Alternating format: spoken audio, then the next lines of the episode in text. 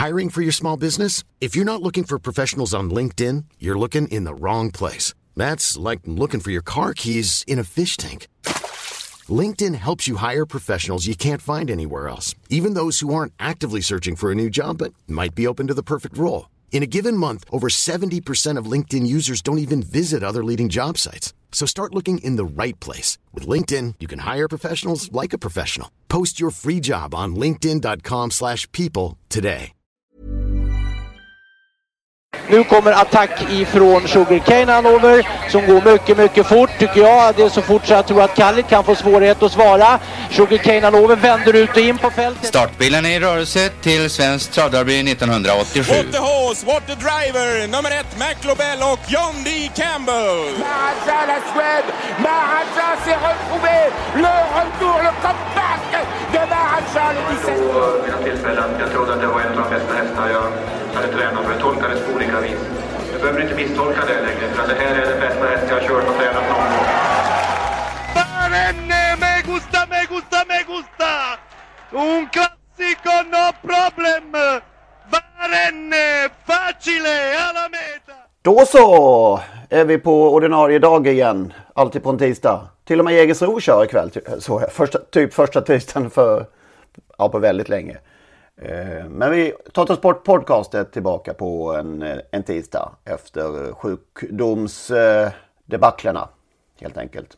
Jag tänkte på dig Lennart här när, eh, i veckan. Du var ju relativt ointresserad av Jägersros detaljplan när den skulle bli klar.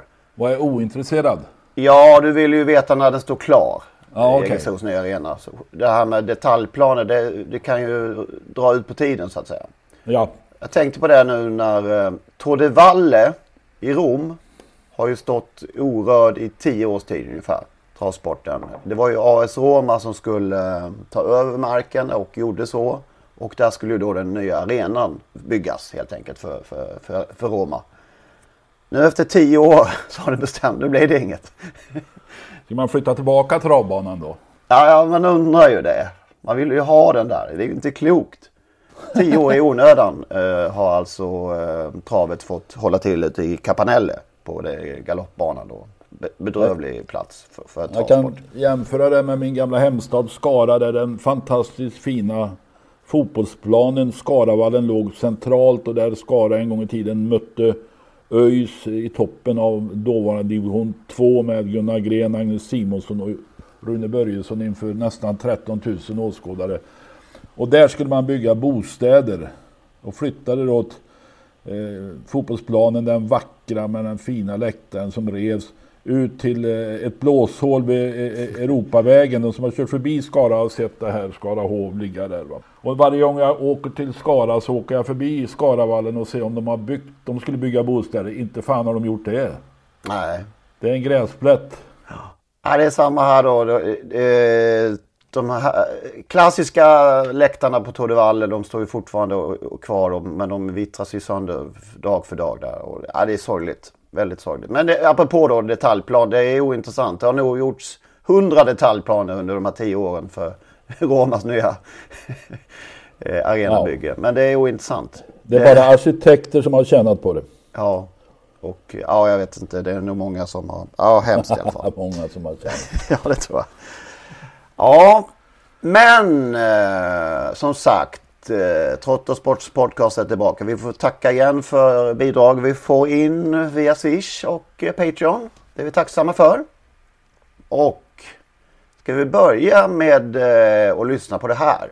Det är två hästar som kommer att göra upp. 400 kvar. Tre Sturfighten leder. Skuggar där bakom. Det gör två Batotösen.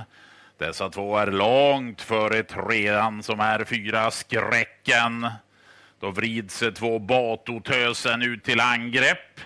Tre Sturfighten har svårt att försvara sig. Två Batotösen bara kliver förbi på några steg. Och detta, mina damer och herrar, det var en debut som hette duga. Stefan Edin gör det. Batotösen. Batotösen vinner alltså... eh, Apropå att tjäna pengar. Ja, Umeåkers första lopp i söndag. Så vad är det med för märkvärdigt med detta nu då?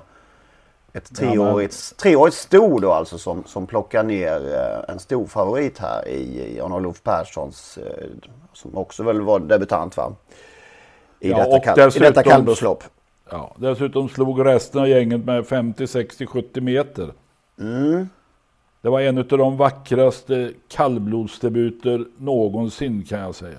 Och eh, som sagt, det är väl inget konstigt med det då? Jo, det, det, det är klart att det, det är ju det är märkvärdigt i sig. Men, men vad är det som alltså... Ja, men den gav ju över 30 gånger i odds. Hur är detta möjligt? I 31, dessa tider. 31 och 51 i odds. Alltså visste ingen hur bra den här hästen var. Ja, någon visste det kanske men.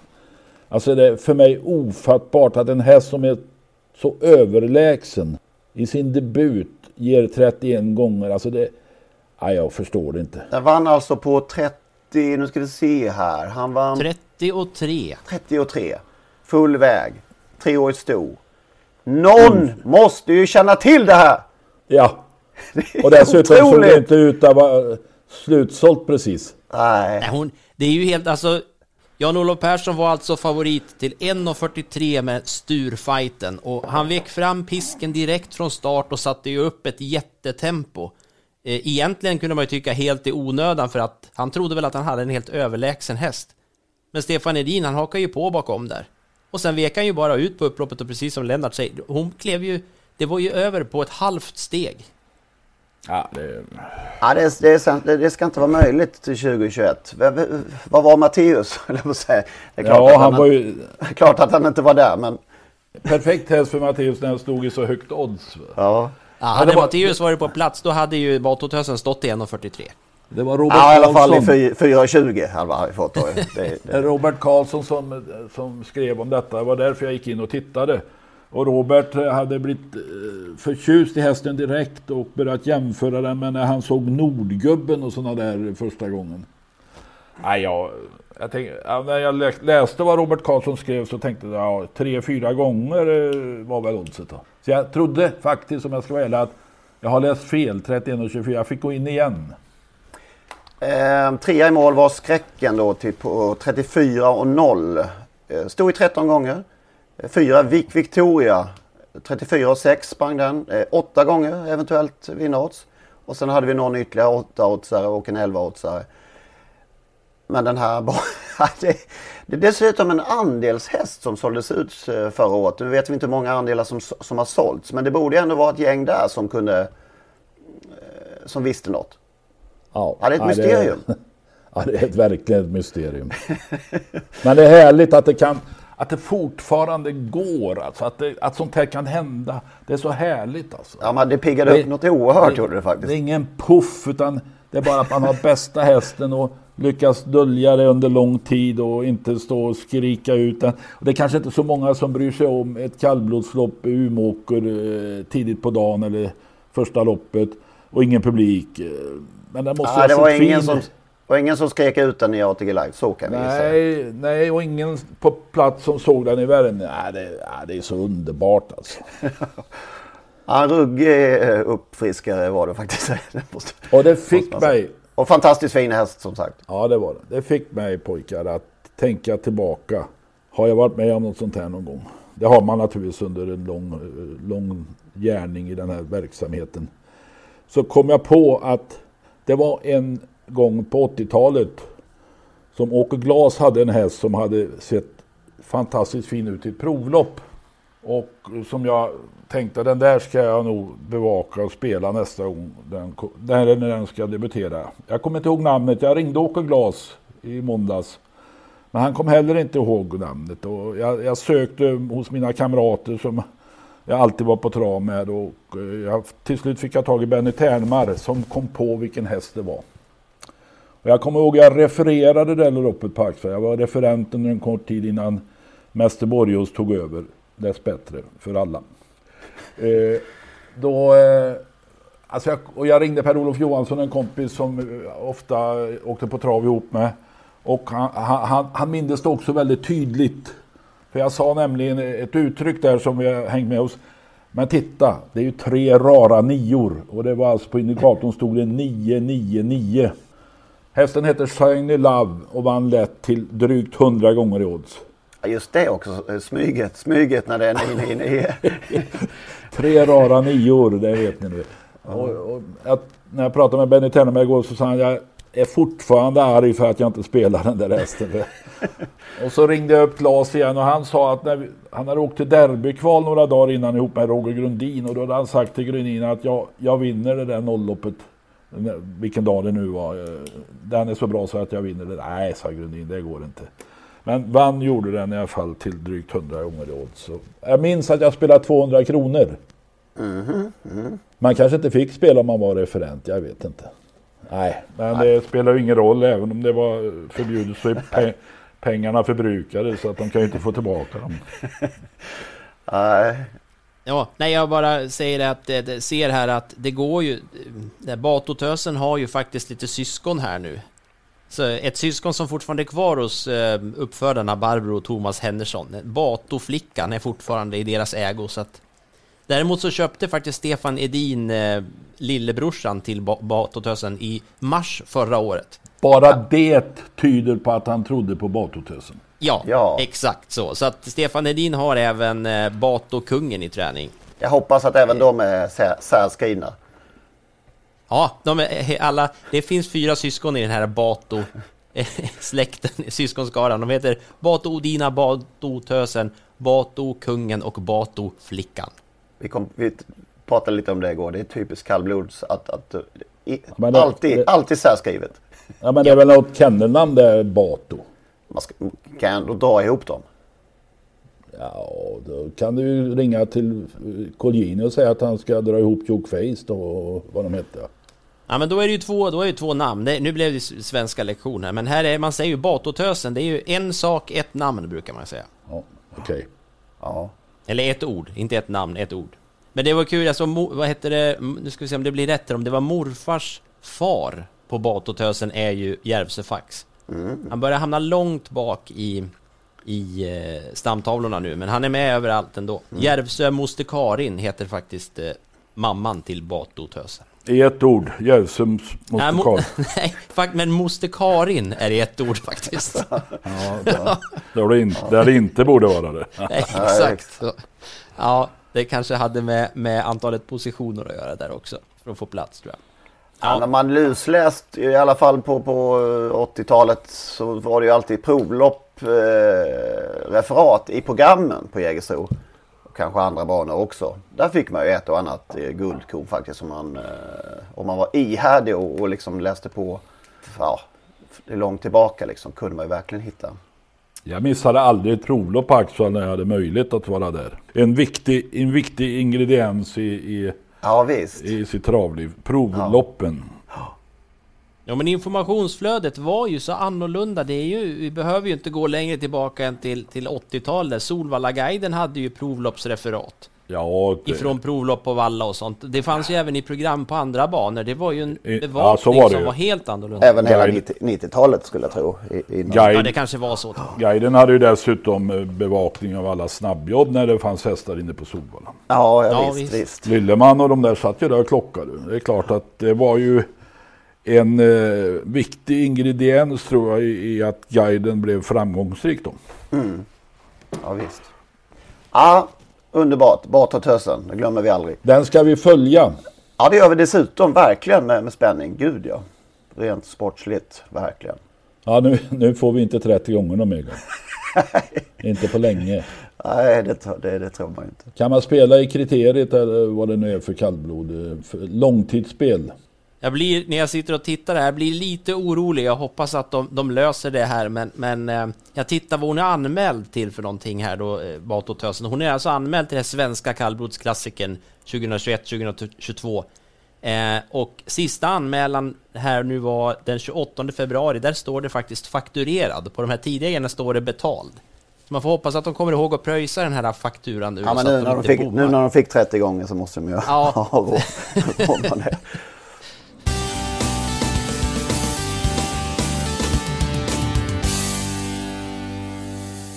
Ja, vi har ju fantastiska lyssnare. Det måste man det konstaterar man vecka ut och vecka in. Eh, vi får massor med, med påhälsningar och tips och, och uh, synpunkter på ena, både det ena och det andra. Och förra veckan eh, hörde då Lasse Hesselgren. Lasse Hesselgren av sig med en fullkomligt fantastisk skildring från Elitloppet 1961. Henrik, låt mig först säga bara att vi fick ju från flera håll, bland annat Hesselgren, att det var Håkan Wallner vi sökte förra veckan. Som var expertkommentator bredvid Bosse Hansson var det va? Just det. Och Bernt Lindstedt föreslog någon och det var inte helt orimligt för Bernt Lindstedt har enligt Lasse Hesselgren varit sån där bisittare två gånger i Elitloppet 71 och 79. Okej. Okay. Jag kan inte låta bli, bli ytterligt fascinerad av detta. Det är som om de plockar en på vägen liksom. Wallner, kör, nu, du kör ingen i Elitloppet. Du, nu får hoppa in här på. Alltså... Du måste förstå tror jag att det var helt andra tider där travsporten var väldigt liten och medialt liten framförallt i tv. Så att eh, man hade eh, det går ju att säga att man inte kunde ha någon Anders Blomqvist eller, eller Pernilla Wiberg eh, som, som ständiga gästkommentatorer. Och jag minns ju en gång i Paris när man sökte med ljus och lykta efter någon och jag, jag lyckades hjälpa dem med P.O. Pettersson som då eh, sista stund hoppade av eh, när Bosse Hansson skulle. Eller han hann inte komma dit heller hur det nu var, jag minns inte. Så jag fick hoppa in där så att det är inte sådär jättemärkligt. Men det är ändå största loppet, det är ändå Elitloppet och det Tips ja, det... Extra hade ju, hade ju startat. 76 har vi kommit fram till va? Vintern 76. Ja, något sånt. Tror jag. Eh, Nej, vem... vår, våren 76 var de igång. Våren 76. Eh, vem, vilka refererade där? Det var Thomas Simpson om jag minns rätt. Ja, han dök, han, han, han dök i alla fall upp senare. Och, och, var det då Thomas Simpson? Varför användes inte han på Elitloppet? Det, det, det, det är många frågor här måste Nej, Det kanske inte var Thomas Simpson, han jobbar ju på radion. Mm. Men han var nog med i Tipsextra. Han var med, han var med senare då. Ja, ja. I alla fall. Men ja, det är många... Jag är fascinerad helt enkelt av att uh, man inte hade någon som kunde referera ordentligt. Ja, men det var inte det vi skulle uh, ta upp idag egentligen. Utan det här fantastiska då. Vi lyssnar på hela härligheten. När uh, Hasse Abrahamsson står med ägaren Kurre Mattsson uppe på taket på Solvalla. Ägaren till Adept. Just det. Sören, när de går in och det är två varv kvar. Nog ofin har jag varit att ta upp favoritens ägare hit till ringside. Kurre Mattsson, men du har goda nerver. Din häst är storfavorit till 40 000 kronor. Känns det ruskigt att inte sitta i sulken själv nu? Ja, jag vet inte vad jag ska säga. Det som det ser ut nu så verkar det ju relativt lugnt. Han leder ju. Du är inte rädd att han uh, tjurar när han får ligga i ledningen så här? Det kan ju hända men han har också gjort många goda löpningar. Bland annat Skandinavisk mästerskap i fjol när han fick leda hela löpningen. Har det gått fort hittills? Första 500 meterna gick efter ungefär 23 och en halv. Som du ser vid 500 meterspålen nu så går Krakowi till anfall. Det är hon som ligger snett bakom din ledande häst nu. Och Sören ligger innanför där. Uh, tempot är något bättre just nu. Krakowi är den enda stjärnhästen utav utlänningarna. Man kan gott säga att den europeiska toppen har saknats den här gången. En smula saknas ganska, i ganska stor utsträckning. Det beror möjligen på att svenskarna har fått 20 meters gottgörelse den här gången. Detta för att göra loppet mer spännande. Den utländska dominansen har varit lite väl våldsam de senare åren. Chelinott har vunnit två gånger, Jordamour en, Chamin en och Honoré de en. Det var många år sedan det blev skandinaviskt. Krakowi försöker nu ta spetsen ifrån adept och gör det också i näst sista svängen. Men det kanske inte gör adepten så mycket om han får en rygg där. Nu går han till anfall istället när sista långsidan börjar. Fransyskan Krakowi leder och adept har börjat den långspurt som endast han är mäktig här i Skandinavien. Men det ser inte så bra ut med det andra spåret, Kurre va? Nej, det gör det ju inte. Krakowi gick nog lite för snävt när han också tog innerspåret här i svängen. De första 2000 meterna har avverkats ungefär efter 21 och 2, 21 och 3. 500 meter är kvar. Den svenska favoriten ligger utan på den bästa utländska gästen och den näst bästa svensken direktiv ligger i kölvattnet på dem. Gips Bullback bakom direktiv. Han är naturligtvis alltid spurtfarlig. Det kan hända saker på det här upploppet. Krakowisk kusk ser ut att ha mycket kvar, men Torsten har inte gett tapp det nu. Just nu när de går in på upploppet har Adept fått lite knappt övertag. Jag tror att din häst leder med huvud just nu. Ja, den, det gör han inte ännu förstås, utan det är den andra som fortfarande Den andra leder. leder fortfarande Och och ser ut att vinna. Ja, han vinner. Vinner mycket knappt. Ja, han vinner med halv längd, Ja, Adept tvåa. Du är inte ledsen för det, Kurre? Det är ingenting att göra åt. Den för dagen bästa hästen vann. Och det var kanske skojigt att en, stor, att en utlänning fick vinna. Det var det också med hänsyn till propositionen och att många har ju siat om att det var för bra in i löpningen. Då, var det, då är du inte ledsen. Inte alls. Tack och, och lycka till nästa gång. Det är många stora kvar. Ja, det är ju, ja, jag vet inte om man ska börja och sluta egentligen. Alltså, han var inte bara ägare, Kurre Mattsson, Vedas stuteri. Han var ju också tränare. Och eh, körde ju hästen själv ett antal gånger i stora lopp. Ja, det är fa- helt fantastiskt. Det är alltså Krachovi som vinner Elitloppet 1961 eh, för Roger Förkryss. I alla fall tränare Roger Förkryss och eh, Marcel Förkryss. Nej, det är tvärtom va? Marcel Ja, Förkryss tränare. körde. Just det. Vann på 20, 23 på 2720 meter. Egentligen borde man ju se den här intervjun när de står på taket där. där Kurre Mattsson i sin eleganta överrock och hatt. eh, Alltså det, det är så underbart att se det. Ja, vi kommer att lägga ut det på, på Twitter så kommer vi lägga ut hela, hela filmen från, från start till mål. Det, den, den är värd att se minst två gånger. Jag har sett den tre redan. Ja, jag tror jag har sett den tio den senaste veckan. Men det här är helt underbart. det var ju som du sa, lång distans. Och det var ju så att det hade ju vunnits franska hästar där under några år på, rad, på raken. Då, då eh, fick ju de svenska hästarna gottgörelse. Var det uttrycket? Ja, så att eh, det kom ju få gäster och ni hörde ju också Kurre Mattsson här att eh, han, han var nöjd med andra priset så slapp det bli något tjafs om det här med att Adept hade fått 20 meters bonus. Mm.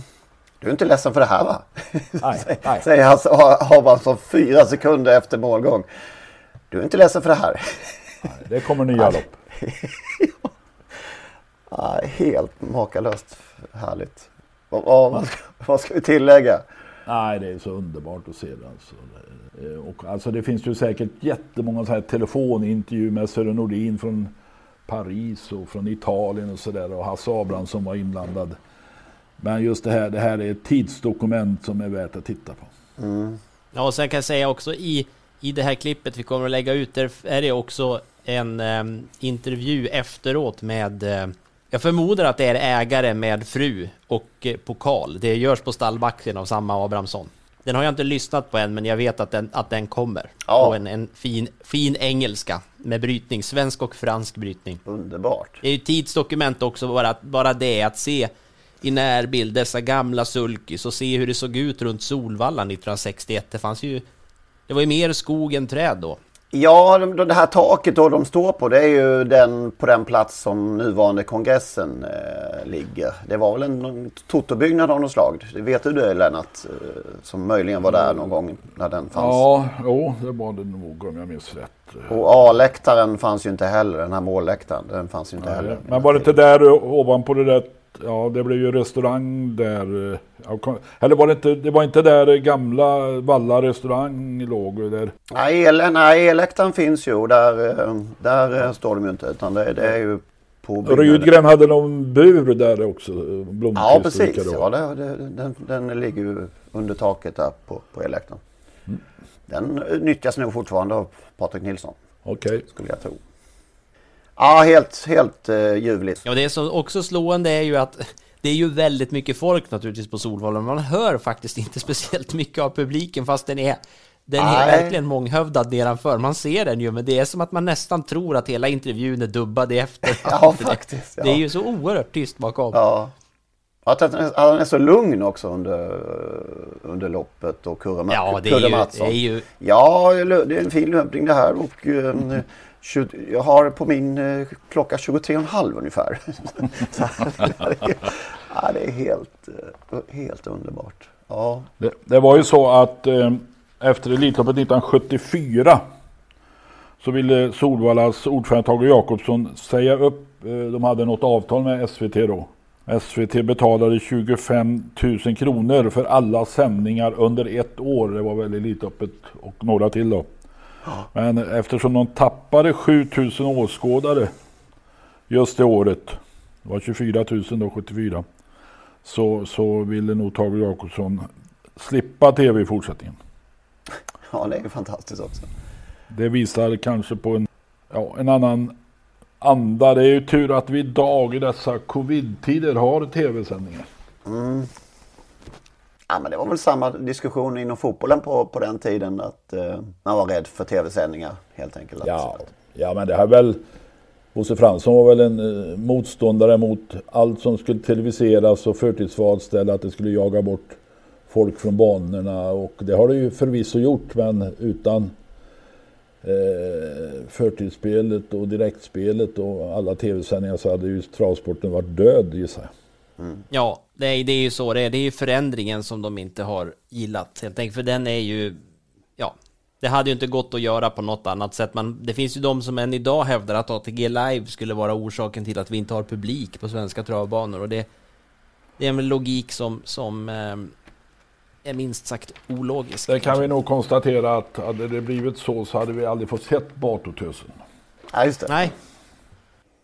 Och då hade oddset blivit ännu högre. Nej, det hade inte blivit något lopp alls naturligtvis. Ja, nej, det var... Det är i alla fall ett väldigt roligt inslag att, att se det här och ännu ett bevis på att vi måste värna vår mediala travsporthistoria så att man kan få se sånt här och få lite perspektiv också. Att man kan göra bra tv utan att man skrattgråter eh, och knappt kan prata. Det här är ju så torrt så att det är eh, världsklass. Stort tack till alla som hör av sig och speciellt denna gång till Lasse Hesselgren. Ja. Ja. Och apropå detta så fick vi ju en, eh, en, ett inspel om segergester igen. Ja. En Lasse Lindberg, inte den vanliga La Lars Lindberg utan som vi, som vi minns med, med, med vördnad. Utan en tränare på Romme på 60-talet. Var det så? Ja, ja, ja, det, ja, det har gått förbi mig. Ja. Ja, det är samma här. Det sägs, sägs att det fanns en. Men vi minns honom inte. Och han var väldigt glad i att göra just segergester. På den tiden då. Så att, eh... Jag ska ta och prata med, med hans namne, höll jag på att säga, Lasse Lind. Alltså. Utan berg på slutet. Han borde veta. Lasse Lind kan ju Romme utan och innan. Han bor ju alldeles bredvid. Han måste ju veta det. Och Bernt Martinsson annars. Just det. Ja, Martinsson vet också. Ja, med, gärna mer info om eh, denna Lasse Lindberg då. Ännu mer nostalgi höll jag på att säga. mycket, mycket åt det hållet idag. Det körs ju Grand Criterium de Vitesse på söndag. Vad brukar det kallas? Startpunkten för Europa, de stor, storloppen i Europa. Ja, som under åren många, många av eh, landets travbanor har lagt sina styrelsemöten till just den helgen i Nice. Mm. För att, för att ja, skylla på det här att de ville se det här loppet och så Mm.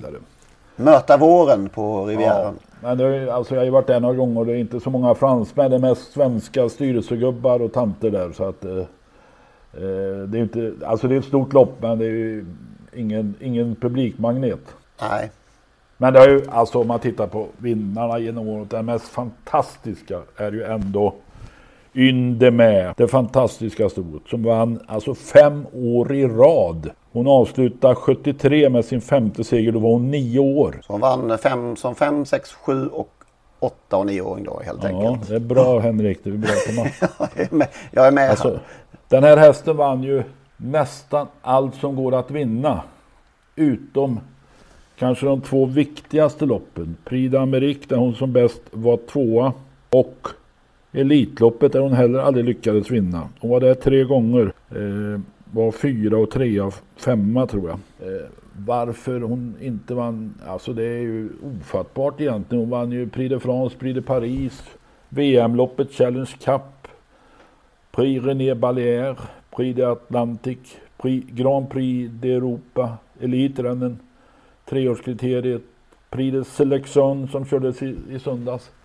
Men aldrig Prix d'Amérique, vilket naturligtvis var en stor sorg för ägaren, greven Pierre de Montesson. Var det Tidalium Pelou då som eh, bland annat satte Ja, krokben? Uppsala en gång och Tidalen Pelou en annan gång. Vi lyssnar här några sekunder på eh, ett av loppen du nämnde där, Challenge Cup. Det var ett riktigt rivigt lopp 1973 va? Var det så? Jag tror det. Fourth, Savoy fifth, Keystone makes sixth, Killbuck Mary seventh, Carrioso is eighth. They're at the three-quarter pole and Unda May has moved alongside Delmonica Hanover. They're by the mile mark in 2.03 and 3. They've got less than a quarter of a mile to trot. Along the inside, it's Delmonica Hanover. On the outside, Unda May challenging for the lead. Spartan Hanover comes on a close to third. Keystone Mega's fourth. They're at the top of the stretch. Out in the middle of the track, it's Unda May driving for the lead. The outside, Spartan Hanover. Through the stretch to the finish, Unda May along the inside is going to win it all. Unda May in front, Spartan Hanover second. Jädrar, här, här var det körning från start till mål. Det är värt att gå in och titta på. Det finns på Youtube. Challenge Cup. Jean-René Gauchon eh, satt ju invändigt om Delmonica Hannover och, och han var där och knuffa, knuffa, knuffa och tittade ner på gafflarna och hjulen där Jean-René Gauchon och knuffa igen och till slut så hade han ordnat sig fritt spår. Det var, eh, ja han var inte blyg. Nej, och eh, många speedkörningar också längs vägen i det där loppet. Ja. Så det var väldigt, väldigt rivigt. Eh, kul lopp måste man säga.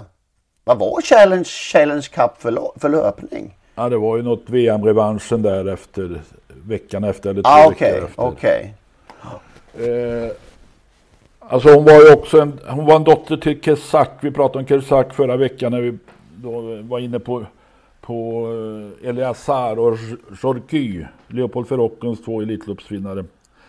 Eh, Yndemäe föddes i samma årskull som Ua Uka. Och ja, det här är, Yndemäe lämnade inget i avel, jag tror hon bara fick en avkomma. Förresten tjänade hon 9 miljoner franc och vann 74 lopp på 146 starter. Men Ua Uka som var helt oduglig, 26 rekord, gjorde väl bara någon enstaka start. Hon blev ju sen en stjärna i avel med Hadol Duvivier och Fakir Duvivier som de bästa. Jet Duvivier och ytterligare några. Så, så det kan bli va. Mm. Oduglig som tävlingshäst, tävlingshäst. En stjärna i avel. Ydemä var precis tvärtom. Mm. Förresten så skötare till Ydemä var eh, Jean-Loup Pepion som vi känner väl. Ja, härlig häst verkligen. Eh, snygg också. Vacker. Det där loppet är ju loppet är ju speciellt och alltså hon, ja det är en jättehäftig häst, men jag tänker på den här tacklingen som Björn Goop gav, gav, eh, eh, vad heter han nu då? Nu tappar jag namnet på honom. Davidsson de Bont. Eh, ja, exakt. Tack. Eh, Basir var det. Eh, också tänkte jag på. Nej men alltså hur han tar sig ut där, för att på Delmonica Hanover är det ju det här loppet då. Det, det var... Ja, det var exakt ja. likadant.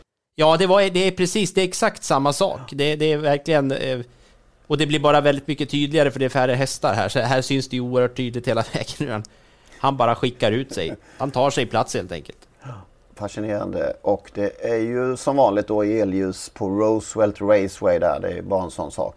blir man ju lite lycklig av att se. Ja, och kamera, kameramannen verkar faktiskt tro att de, de går i mål varvet kvar också för att han slutar ju följa med fältet. Okej, okay, det tänkte jag inte riktigt på.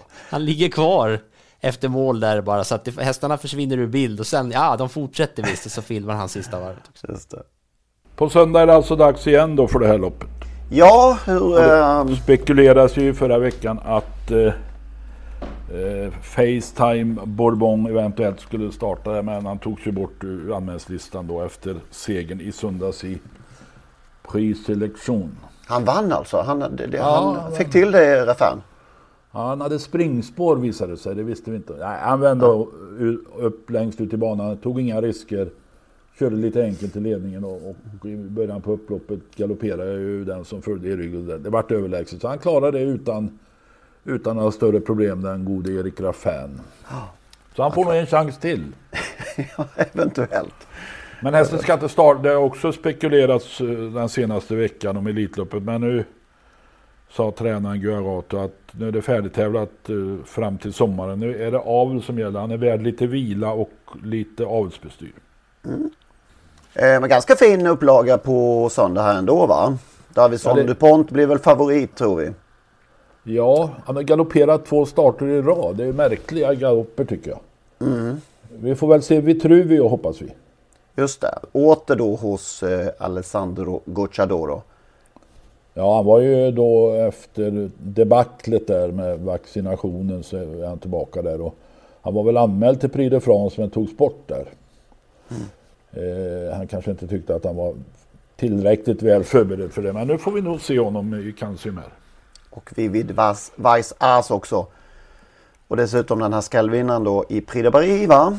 Etonan. Ja. Så, Så var aktuell efter Prix de Paris för Harper Hannovers. Men nu läste jag en intervju med tränaren att det är inte aktuellt att åka dit. Han, han är orolig för det svenska voltstartsystemet. Mhm, mhm. Och Frisbee de Am som, är, som då aktuell för Elitloppet var ju hästen som galopperade i rygg på, på Facetime Bourbon i, i söndags. Hur pålästa är de då egentligen? Alltså, nu ska de då volta. De börjar ju stå långt bak va? Där brukar det inte vara så himla många hästar att volta tillsammans med. Nej. Ja. Men han kanske är en sån där häst man vill ta ut volten eh, på breda banor i Frankrike och komma längst ut, välja det spår man vill ha. Mm. Ja. Ett svenskt intresse det är Unique Juni. Ja. Det blir väl jobbigt och ta någon framskjuten placering kanske. Men hon är ju, hon går ju fantastiskt varje gång. Hon var ju tvåa senast tror jag, gjorde det jättebra. Wild Love var anmäld men är borttagen va? Ja. Ja. Var det något annat i Frankrike i eh, helgen eller så? Som... Nej, inte vad jag minns. Det är två dagar sedan. Ja, ja just det. det. Och då, jag minns däremot att Shiny Love vann på 80-talet på Axel. Men eh, vilka som vann i Paris det. Nej, jag tittade bara på, på Facetime Bourbon faktiskt.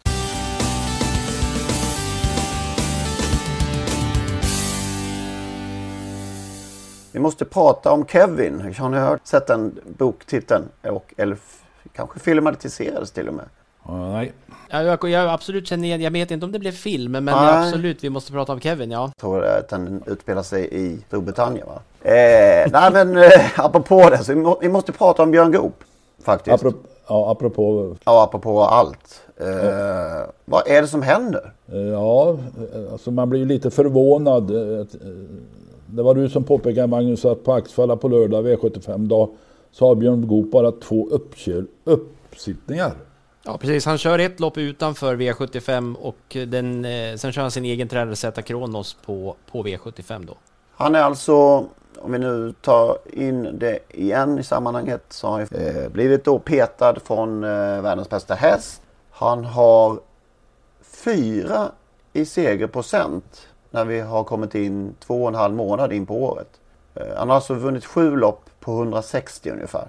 Ja, det är anmärkningsvärt. Det är ju helt otroligt alltså. Sen kan man säga under vintermeetinget här, förutom Facetime Bourbon och någon enstaka annan häst, så har han kört väldigt, väldigt, väldigt mycket dåliga hästar. Men det är ju också... Men just då, då att, han, att han nu är han tillgänglig då på lördag och eh, ingen förutom då den egentränade uppsittning på, inom V75. Det är ju sensationellt. Vad beror detta på?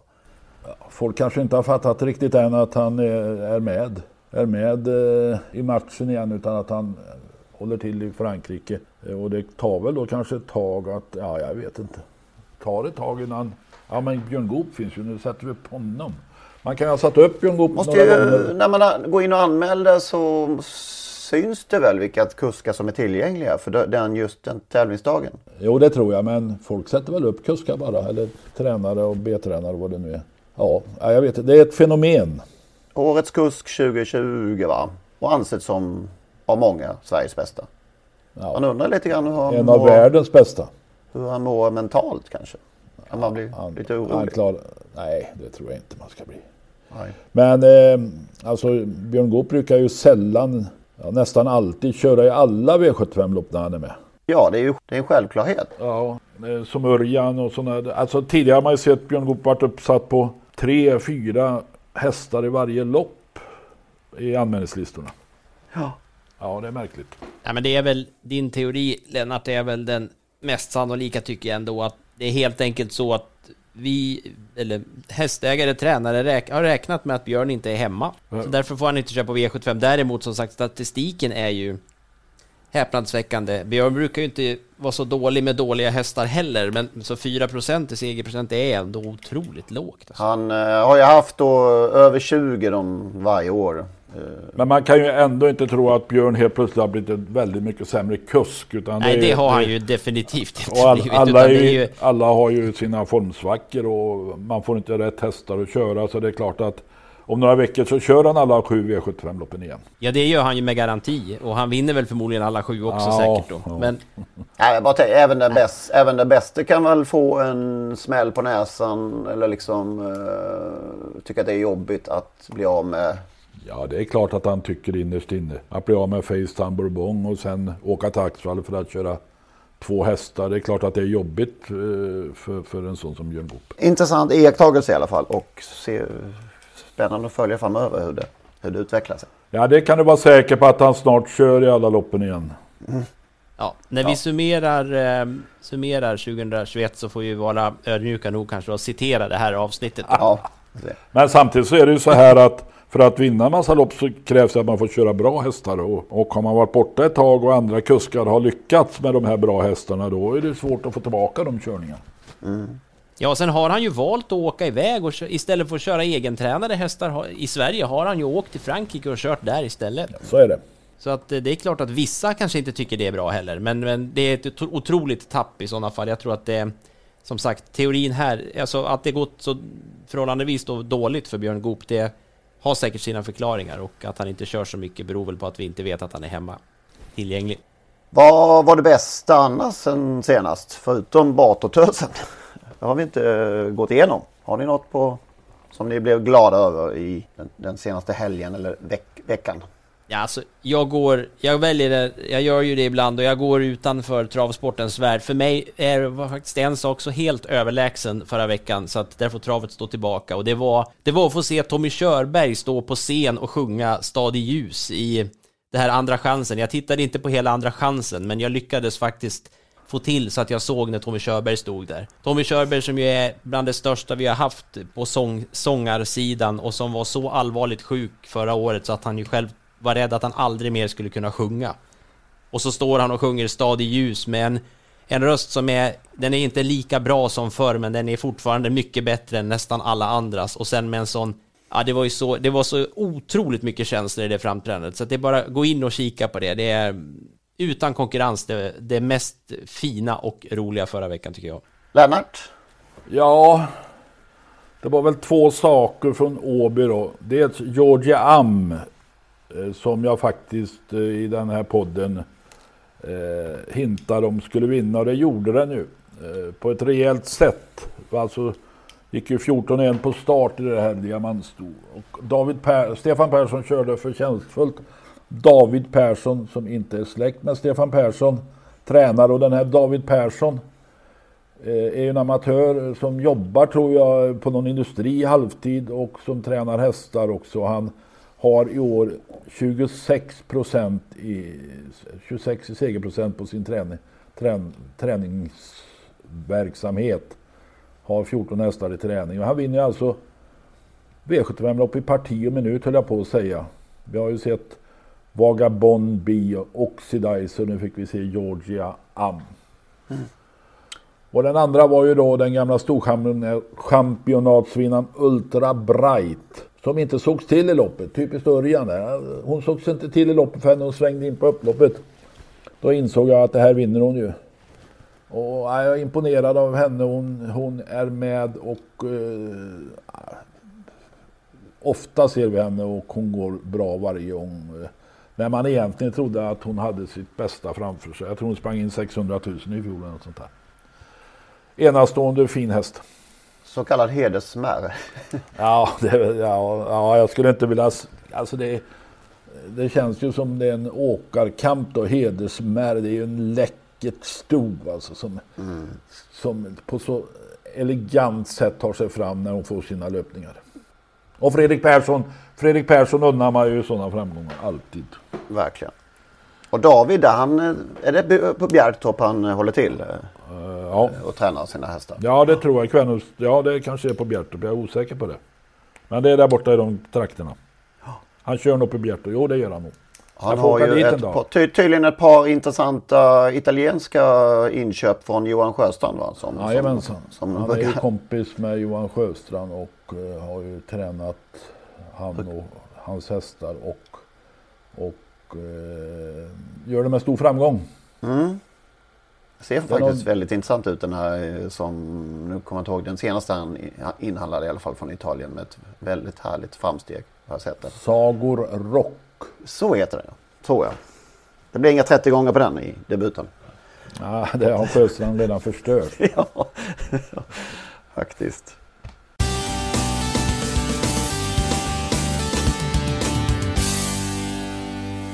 Det är alltså hemma på mammas gata på eh, lördag. V75. Ja, så skulle man ju kunna uttrycka det naturligtvis. Mm. Ja, egentligen är det ju Lennart som ska, ska tituleras V75 sakkunnig i, i, i den här trion nu efter hans eh, spik i lördags. Ja visst.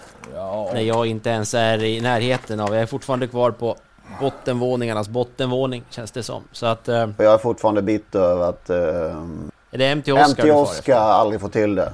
Visar sån kapacitet varenda gång. Ja, det är otroligt. Alltså Ja. det, det är ju några stora favoriter där som jag tror är svåra att fälla. Maestro Krav där över 3000 meter i V75 3. Han har visserligen sport 12 men det spelar ingen roll när det är så lång distans. Eh, han måste ju hoppa tre gånger för att han ska förlora gissar jag. Och, Ja, han möter sig själv. och sen har ju Alhambra Mail en enkel eller en passande uppgift i avdelning 4. Springspår på tillägg och Kalle Jeppsson fräser till från start så är han ifatt de där som står framför, 20 meter framför.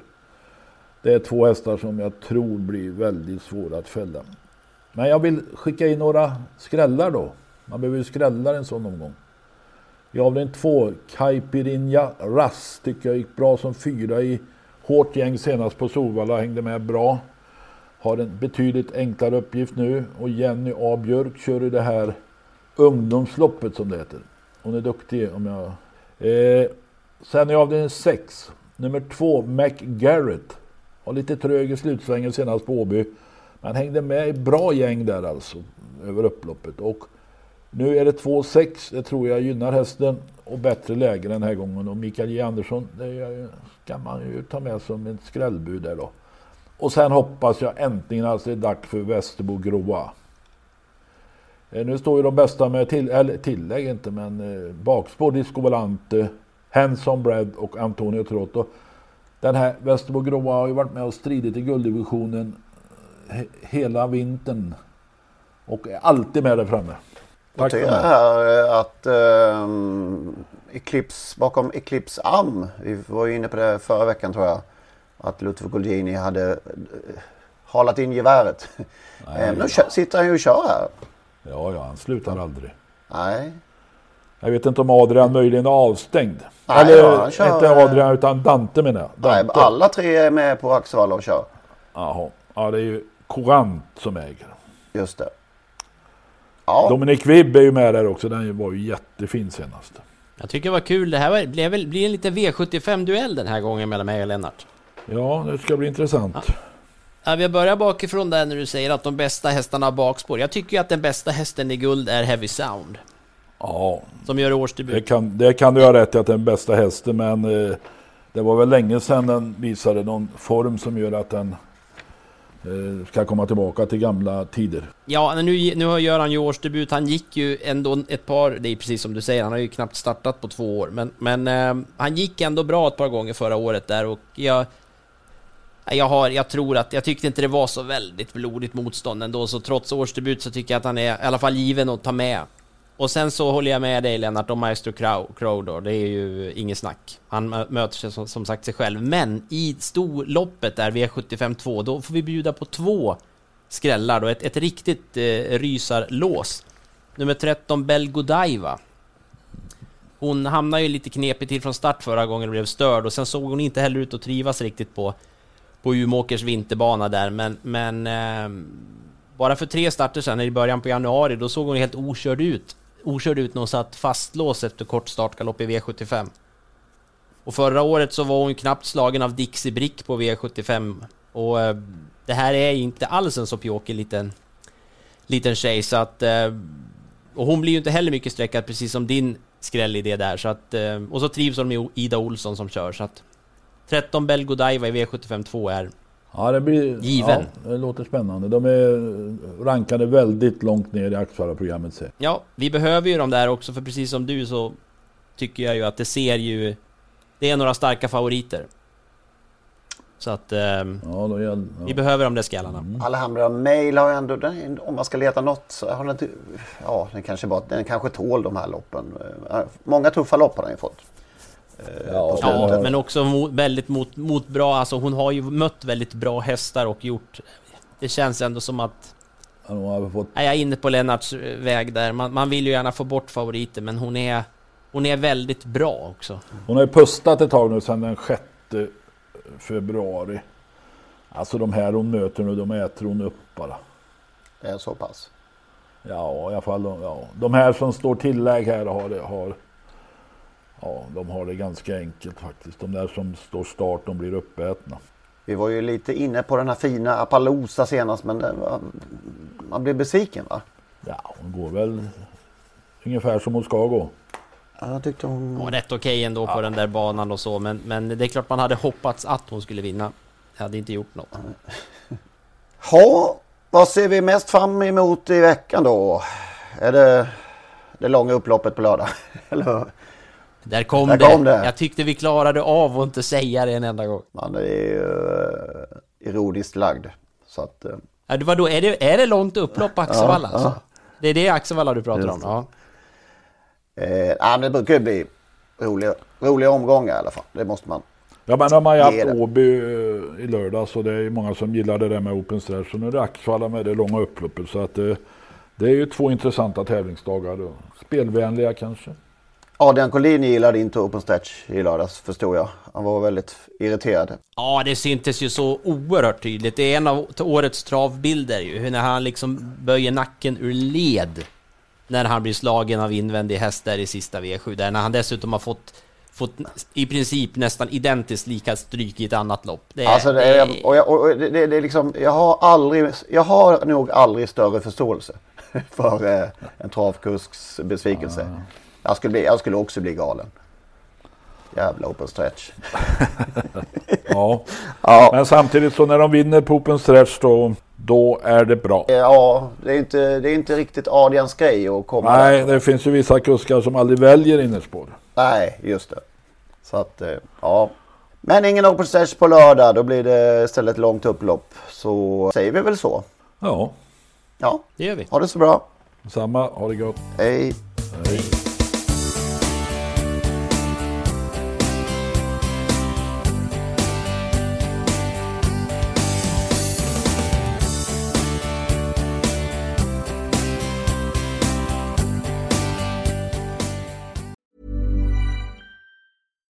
Deserves the best, and there's no better place to shop for Mother's Day than Whole Foods Market. They're your destination for unbeatable savings, from premium gifts to show-stopping flowers and irresistible desserts. Start by saving 33% with Prime on all body care and candles. Then get a 15-stem bunch of tulips for just $9.99 each with Prime. Round out Mom's menu with festive rosé, irresistible berry chantilly cake, and more special treats. Come celebrate Mother's Day at Whole Foods Market.